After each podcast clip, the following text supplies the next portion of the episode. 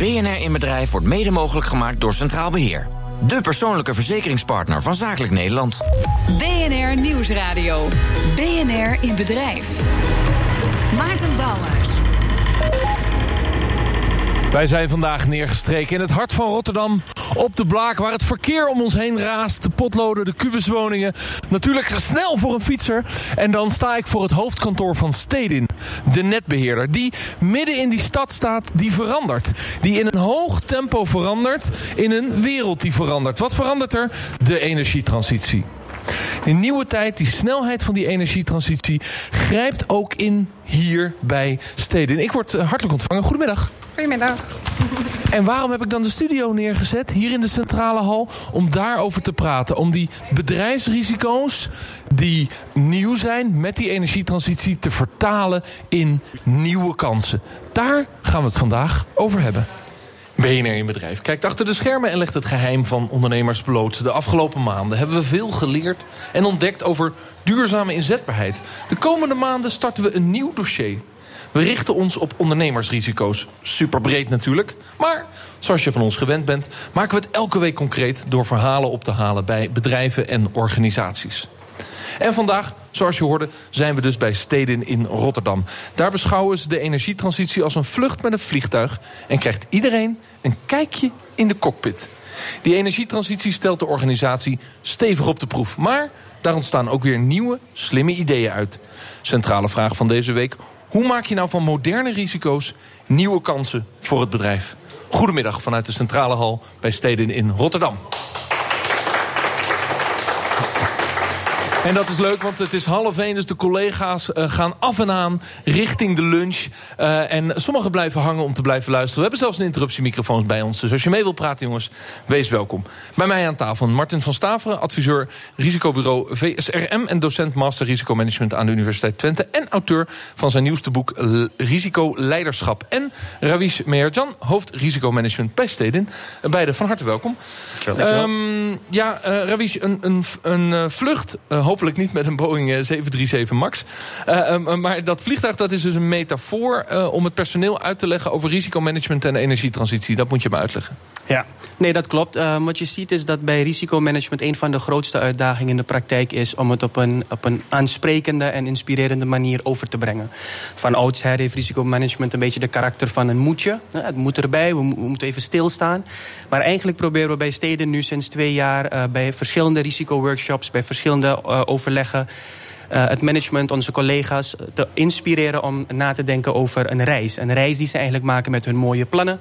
En onderweg tijdens hun reis ook bewust te zijn van dingen die mis kunnen gaan, risico's, maar ook dingen die goed kunnen gaan. En dan is het goed om in de cockpit te kijken, want uh, je kunt ook zeggen: het is als uh, passagier heel prettig om niet in de cockpit te kijken, want dan zie je allerlei risico's die mis kunnen gaan, terwijl je gewoon lekker naar je tv'tje moet kijken in je vliegtuig. Nou ja, sterker nog, ik denk dat de collega's en, en, en de mensen met wie we deze workshops doen, die zitten in de cockpits.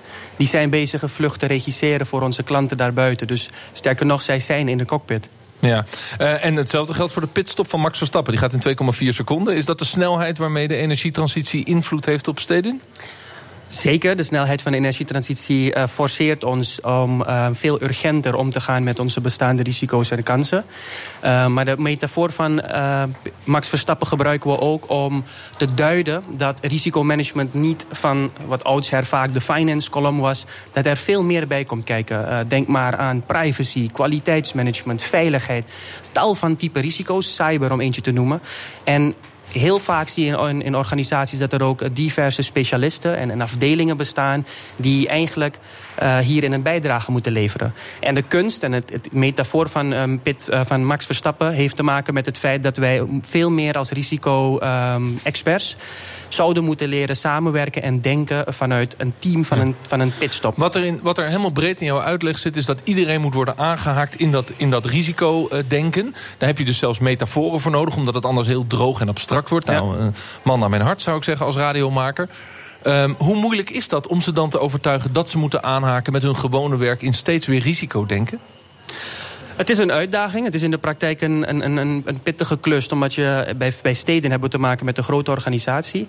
Maar tegelijkertijd zien we dat het vrij soepel gaat... als de verhalen ook aansluiten bij de belevingswereld van, van de mensen. Vandaar dat we ook hebben nagedacht over sport. Sport spreekt altijd aan. Maar we hebben ook nagedacht over reizen. Iedereen vindt het leuk om op vakantie te gaan. Um, ja, dan hoeven ze niet te werken. nou ja, en, en, en wat we zien is dat het dus deels uitdagend is... maar tegelijkertijd door een goed verhaal... de, de power of storytelling erin eh, mee te nemen... dat het zeker helpt en mogelijk is. Precies. Martin van Staveren, je kunt in welk bedrijf dan ook... niet alle risico's beheersen. Klopt. Ja, toch is, toch is wat Ravi zegt, is we willen alle medewerkers in, in welk project, in welke rol dan ook meedenken in risicodenken. Dat voelt toch een beetje als een soort van we willen, kunnen, we willen al die risico's kunnen controleren. Ja, ik denk dat alle risico's kunnen controleren een, grote misvatting is. Dat zouden we graag willen, maar dat, dat lukt niet. En zeker niet in wat ik wel noem de VUCA-wereld. Dus een wereld die volatiel is, eh, uncertain, onzeker, complex, ambigu. Dus een dynamische wereld. Dat is een begrip wat meer terugkomt hè? in bedrijven die uitleggen van de wereld om ons heen verandert. En dan zeggen ze dat VUCA. Klopt, klopt. Het is een beetje een, eh, ja, een buswoord aan het woord. Het komt uiteraard uit Amerika, zoals veel van dat soort woorden. Ja. Maar uh, ja, er zit wel een, een kern in. Dat dus uh, ja, het klassieke risicomanagement heel erg over de beheersing gaat. Uh, een moderne omgaan met risico's veel meer gaat over het omgaan met risico's. Dus beheersen waar het kan, maar ook accepteren waar het moet. En misschien zelfs een risico bewust nemen, omdat dat gewoon ook hele mooie kansen biedt. Ja, nu zijn jullie als steden afgesplitst van Eneco. Jaren gevochten op, tegen die splitsing, maar uiteindelijk was de splitsing daar. Ja. Dat was ook het punt dat de organisatie anders met risicomanagement omging. Hoe, uh, hoe, is het hoe is het nu anders dan daarvoor? Nou ja, heel expliciet. Het gaat bij steden nu ook over de kansen. En um, door in eigenlijk in balans na te denken over risico's en kansen...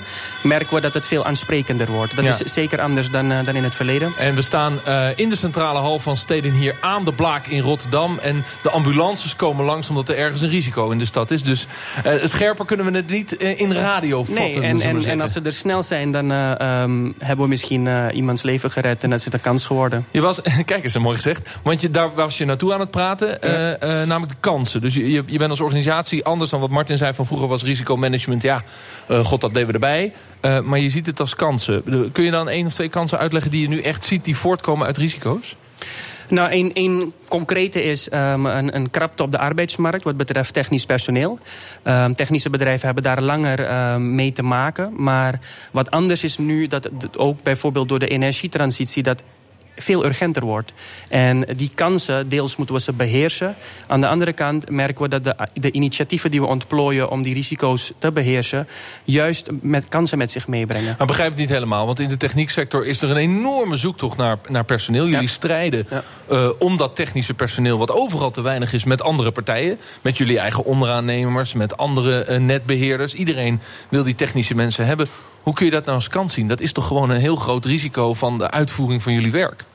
Nou, dat zit eigenlijk al in de missie van steden. Samen werk maken van een leefwereld vol nieuwe energie. En vooral het woordje samen, daar is waar we een kans zien als steden. Um, de krapte op de arbeidsmarkt benaderen we eigenlijk op creatieve manieren. We boren mogelijkheden aan om in samenspraak met netbeheer, andere netbeheerders... in samenwerking met installatiebedrijven... maar ook bijvoorbeeld in samenwerking met gemeentes. Denk maar aan statushouders.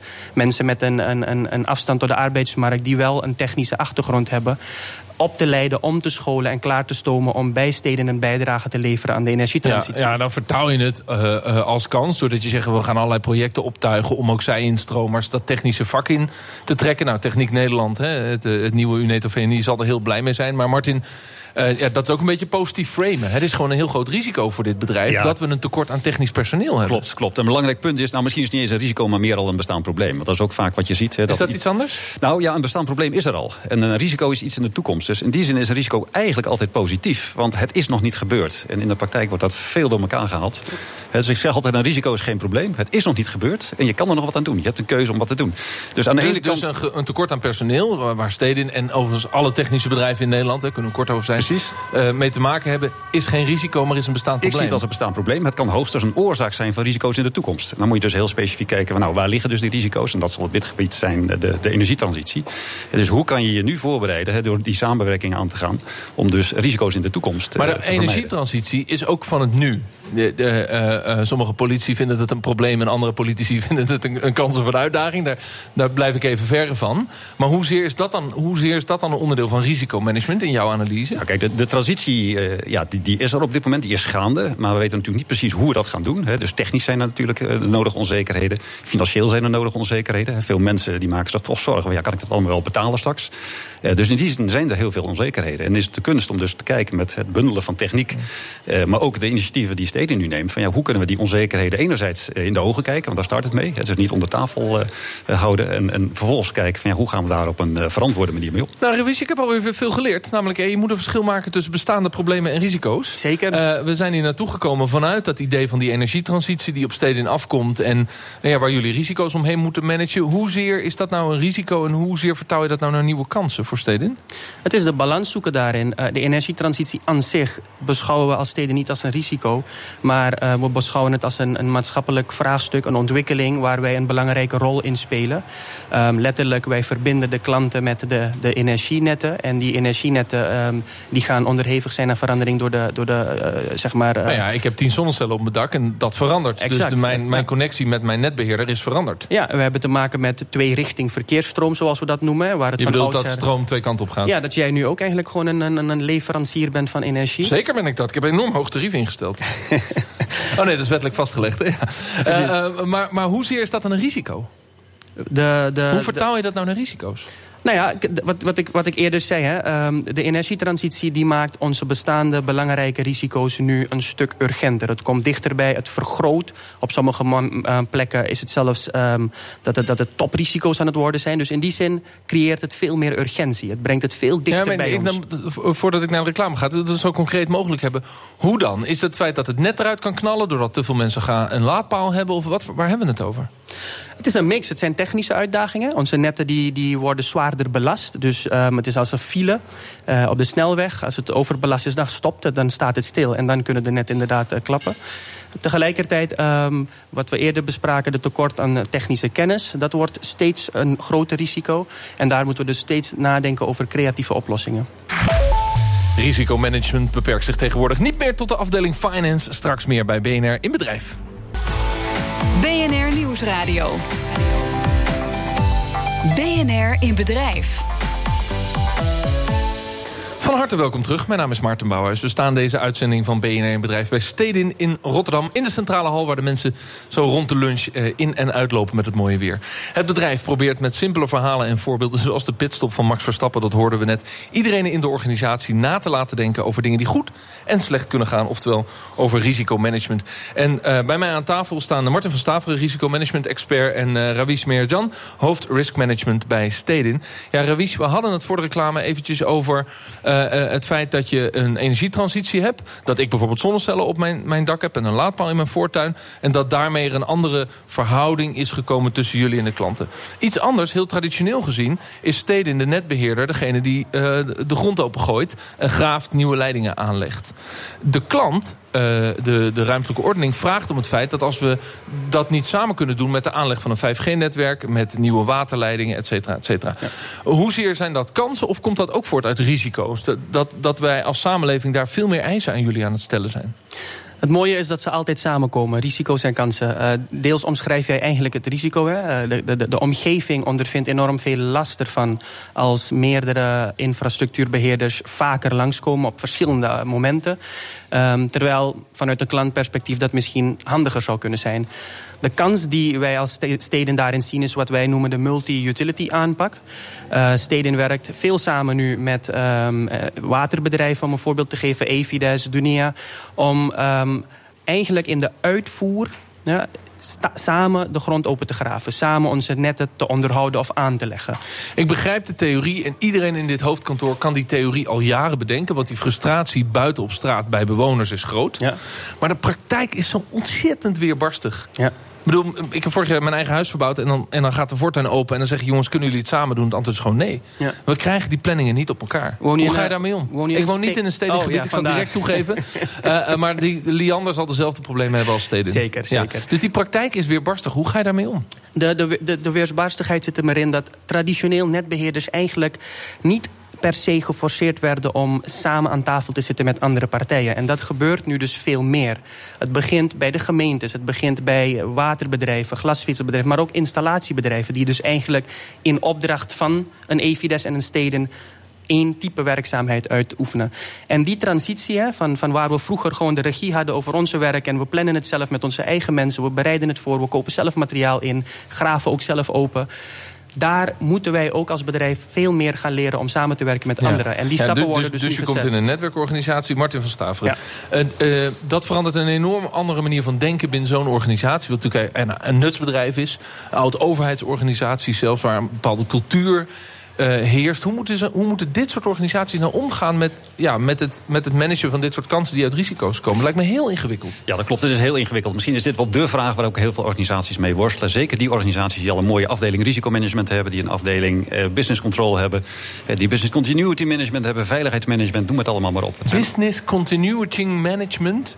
Dat, dat zijn termen waar we niet van houden op de radio. Nee, ja. nee ik zal het ook niet meer gebruiken. ik begrijp het wel een beetje. Ja, maar om maar aan te geven hoe complex we het maken met elkaar. En ik zeg vaak, risicomanagement is heel makkelijk ingewikkeld te maken. Het is veel lastiger terug te brengen naar de essentie. En hoe breng je dat dan terug naar de essentie? Nou, wat een belangrijk punt is, is om steeds heel scherp te hebben van wat wil je nu eigenlijk met elkaar? Wat is het doel? Um, he, dus het doel is zo net heel duidelijk uh, door uh, Ravish uh, verwoord. En vanuit het doel kun je dus kijken wat zijn nou de grootste onzekerheden die op weg naar dat doel ons kunnen belemmeren. En door iedereen daarbij te betrekken die in de organisatie een groter of kleiner doel heeft, kan je dus een stukje synergie met elkaar creëren. Maar dan zet je een stap verder. Want Ravish is bezig eerst binnen die organisatie met zijn pitstops en zijn, en zijn symboliek van de vluchten. Iedereen mee te nemen in risicodenken. Klopt. Dat is dan stap 1. Ja. En stap 2 is dat die mensen met allerlei stakeholders, zoals dat zo mooi heet, in de wereld om steden heen, ja. moeten gaan samenwerken. Anders gaat het niet gebeuren. Precies. En en samenwerken, dat is een soort van vrede. Iedereen wil het, maar het is wel heel ingewikkeld. Klopt. Dus dat betekent dat het heel belangrijk is, uh, wat, wat Ravish net ook al zei... wat zijn de kernwaarden van je organisatie? Staat iedereen daarachter? Uh, is iedereen zich ervan bewust dat, dat samenwerking eigenlijk de enige manier is... om uiteindelijk met elkaar samen een stap verder te komen? Ja. En dat vergt dus uh, ja, allerlei benaderingen. Hè? Dus enerzijds de, de, de, de vaarmetafoor Max Verstappen. maar het betekent, ook een, een diep besef bij mensen... dat ze allemaal een onderdeel zijn, allemaal een radertje zijn. Dus allemaal ook met hun eigen expertise en kennis kunnen bijdragen om die onzekerheid in kaart te brengen en daar wat aan te doen met elkaar. Ja, nou Ravish, even eerlijk. Je bent hoofd risicomanagement hier. Uh, dit is de theorie, dit is ook de lijn die je hebt ingezet sinds twee jaar. Hoe, hoe weerbarstig is de praktijk? Hoe moeilijk is het voor mensen om vaak dit kantoor uit te lopen en echt constructief samenwerken, samen te werken met al die partijen om hen heen? Nou, het, het, wat hij, het is, het is een, een pittige uitdaging. Um, het wordt niet altijd um, intrinsiek ge, ge, ge, geïnspireerd om zo te acteren. Maar wat wel helpt is om, ook, ook bij jou bijvoorbeeld... je bent vanmorgen naar hier toegekomen... je hebt vast wel even op de buienradar gekeken... of uh, file, files in de gaten gehouden... om hier op tijd te zijn. Dus wat daarbij ook helpt is dat we bewust moeten zijn... En, en proberen dat ook steeds mee te geven tijdens onze workshops... is dat wij eigenlijk als mens in ons leven dagdagelijks wel die karaktereigenschappen hebben. Wel even stilstaan en nadenken over wat mis zou kunnen gaan... en dan weer acteren erop. Dus zo simpel het feit dat ik toch even op de NS-app kijk... en niet weet van zo laat gaat mijn trein naar Rotterdam... maar dat ik even check, is er een verstoring? Dat en dat als onderdeel van mijn dagelijkse routine... daar probeer je op aan te sluiten bij ja, mensen. want dat zijn vormen van, van een risicomanagement uh, toepassen. Ja. Als een ondernemer nou zit te luisteren, Martin... En, en hij luistert hier naar het verhaal van Steden... natuurlijk een grote organisatie. Die hebben dus ook veel, laten we zeggen, body en kennis... en, en, en een hele hoop collega's van Ravish... die hierin workshops kunnen geven. En goed, een ondernemer met een kleiner MKB-bedrijf. Hoe, Ja. hoe zou die anders met zijn risico's om kunnen gaan... dan dat hij nu doet? Nou, voor die ondernemer heb ik de tip om steeds uit te gaan van drie vragen. En drie vragen kunnen we eigenlijk allemaal wel eh, onthouden. En de eerste vraag is, wat is het doel? Dus die ondernemer heeft ongetwijfeld een doel. Die wil meer gaan exporteren, die wil gaan innoveren... die wil een nieuw product op de markt zetten. Dus heel scherp zijn, wat is mijn doel? Tweede vraag is, wat is onzeker op weg naar dat doel? En die onzekerheid kan twee kanten op. Die kan de klassieke kant op van risico. Het valt tegen, maar het kan ook meevallen. Dus ga ook heel nadrukkelijk naar de kansen kijken van onzekerheid. En dan de derde vraag van wat ga ik doen met mijn mensen... om ondanks die onzekerheden, de risico's te beheersen waar nodig... de kansen te benutten, mijn doel zo goed mogelijk te realiseren. Dus eigenlijk is dit een ultra-light vorm van risicomanagement. Slechts drie vragen. Doel, onzeker. En vooral dus ik hoef niet een hele ingewikkelde bowtie-methode op te tuigen... voor de risicospecialisten die meeluisteren. Ik moet gewoon deze drie vragen beantwoorden. Als je daarmee begint, dan heb je al een hele goede start. En misschien is het dan af en toe handig om zo'n bowtie te doen. Maar ik zou zeggen, begin eenvoudig. Hè, en maak het zo ingewikkeld mogelijk als nodig is. En niet andersom. En eigenlijk zit het in het integrale denken van elke ondernemer. Ik heb een plan, nou wat, wat zijn de onzekerheden? Exact, exact. Kijk, de directeur-eigenaar van een succesvol bedrijf doet niet anders dan dit. Alleen het, het risicogestuurde werken, zoals ik dat noem... met het risicoleiderschap wat erbij hoort... is het expliciet maken van die afweging. Uh, en ook het benutten van kennis van anderen. want als je een beetje een, een, een, een toch wat dominante directeur-eigenaar hebt... die te weinig luistert naar zijn jongste mensen in dienst... ja, dan kan je ook kansen missen. Ravish? Zeker, en, en die ultralight versie, um, ook al steed in een groot bedrijf met veel kennis en expertise en top collega's, ook de ultralight versie is wat wij gebruiken om het aansprekend te maken en, en begrijpelijk te maken. Oh ja, ervaar je dat wel zo? Dat zeker, je het gewoon zeker. heel simpel over onzekerheden hebt? Alleen maar, eh, als je, het, als je het eigenlijk heel concreet maakt... en ook koppelt aan de doelstelling... dan wordt het ook veel meer uh, onderdeel van de, van, de, van de directeur... of van de, van de manager of van de persoon... die op dat moment verantwoordelijk is voor zo'n project of programma. Dus die doelen staan echt centraal. En het helpt ons enorm door het zo simpel te maken. Dan nog een uitdaging. Ik zei al, het is, een, het is een oud staatsbedrijf, het is een nutsbedrijf. Het, heeft een, het zal ten dele toch een, een beetje een ambtelijke cultuur nog hebben in zich. Ik, ik kan me dat niet voorstellen dat het niet zo is. Maar wat je wil is zo'n organisatie bewegen naar heel erg ondernemend gedrag. He, zodat er snelheid komt, dat er nieuwe projecten... die energietransitie in de FUCA-wereld, Martin... Ja. die gaat ook supersnel. Dus je wil ondernemend gedrag binnen organisaties. Hoezeer is die focus op onzekerheden in projecten... een remmer voor ondernemend gedrag? Hoe ervaar je dat, Ravish? Nou, ik denk van oudsher um, dat het iets uh, had van een smaak van vertragen of uh, um, lastig doen of moeilijk doen. Um, als we het onderdeel kunnen maken en steeds stap voor stap die richting opgaan, dat het echt bijdraagt aan de realisatie van die doelen. Hè. Met, die risico's in ons achterhoofd kunnen we borgen dat uh, onzekerheden niet een negatieve impact hebben op de doelen.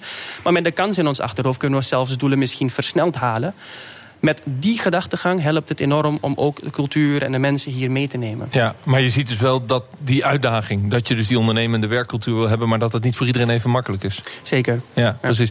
Maar Martin, zie je dat als, als laten we zeggen, uitdaging ook in andere organisaties? Van die, dit spanningsveld tussen uh, onzekerheden denken en ondernemend gedrag. Wat toch, ondernemers zijn opportunistisch, weet je wel. Die, die stoppen on, onzekerheden een beetje weg. Denken, go for it. Ja, ja. Nee, ik, ik ken dat heel erg. Het zit ook een beetje in het woord. Hè. Dus we hebben gewoon het woord, uh, ja, risico is negatief. Hè. Staat ook ja. als negatief nou, in het het woord. onzeker word je ook niet vrolijk van. Onzeker word je ook niet vrolijk van. Maar dat biedt ook kansen. Dus het is ook vooral een kwestie van heel veel uitleggen in de organisatie. En mensen ook een stukje vertrouwen geven. En ik hoorde uh, pas een mooie uitspraak van iemand die zei van...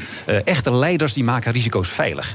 Dus ik denk ook dat je leider van een organisatie bent. en dat hoeft niet eens een formele, formele leider te zijn. Ja, die helpt gewoon om dat woord te duiden. Maar ook om een stukje vertrouwen te creëren. Om met elkaar toch, ondanks die onzekerheid, gewoon lekker Ja. aan de slag te gaan. Je noemde al even de snel veranderende wereld... waar die energietransitie een onderdeel van is. Uh, welke invloed heeft dat nou op de manier waarop bedrijven naar risico's kijken? Ik bedoel, dat betekent ook dat je daar anders en sneller mee om moet gaan. Ja, dat klopt. Ja, ik, ik, ik zeg wel eens een beetje, een beetje prikkelen. Dat voor mij betekent dat het einde van de klassieke risicomanager. Eh, want het kan niet zo zijn dat er een paar mensen in het bedrijf zijn... die al die risico's managen en de rest dat een beetje als corvée ziet... en denkt van nou, als die man weer weg is of vrouw weer weg is... kan ik snel weer door met de business. Het is vandaar dat ik zeg iedereen risicoleider. Dus zorg dat iedereen de basiskennis weet van het omgaan met risico's. Ja, ja, dus al die stafrisicoafdelingen... Uh, die altijd een hele negatieve connotatie in zo'n bedrijf hebben... die, die moeten eigenlijk zichzelf opheffen. Ja, komt er eigenlijk wel een Iedereen beetje moet risicoleider worden. Iedereen risicoleider en de risicomanagers van nu... die kunnen enorm helpen om die transitie voor elkaar te krijgen. Ja, uiteindelijk moet jouw afdeling worden opgeheven... en moet het in de genen van de organisatie zitten, Gewies. Klopt. Ik kijk terug op een, uh, een uitzending die begint met een metafoor... met een vlucht, ik mag in de cockpit kijken, Max Verstappen. Centrale vraag van deze week, hoe maak je nou van moderne risico's... nieuwe kansen voor je bedrijf? En wat ik ervan geleerd heb is, zorg dat je het uh, inbrengt... met een lelijk woord embedden, in die hele organisaties... in alle projectteams, dat, de, dat je denkt in doelen... dat je best in onzekerheden mag denken... maar dat het niet een soort van een negatieve connotatie moet hebben... maar dat het juist kansen kan opleveren. En bij Stedin proberen ze dat aan de hand van de energietransitie... die in een heel snel tempo natuurlijk uh, uh, ja, bij jullie is of op jullie afkomt, hoe je dat wil uitdrukken. Martin van Staveren, de, uh, docent Master Risicomanagement aan de Universiteit Twente... en auteur van het boek wat hier voor ons ligt. Risicoleiderschap, rode dikke pil. Uh, en Ravish Merjan, hoofd riskmanagement bij Stedin. Dank dat jullie bij mij aan tafel stonden. Dit was BNR in Bedrijf. De volgende aflevering van BNR in Bedrijf staan we bij Atlantis Handelshuis in Den Helder. Ze wijken af van bestaande bedrijfsmodellen. Maar ja, dan moeten er wel de nodige klappen worden geïncasseerd. En hoe houd je dan je rug recht? Kom langs, praat mee, meld je aan via bnr.nl slash inbedrijf. Tot volgende week, bedankt voor het luisteren. Dag. BNR in Bedrijf wordt mede mogelijk gemaakt door Centraal Beheer. De persoonlijke verzekeringspartner van Zakelijk Nederland.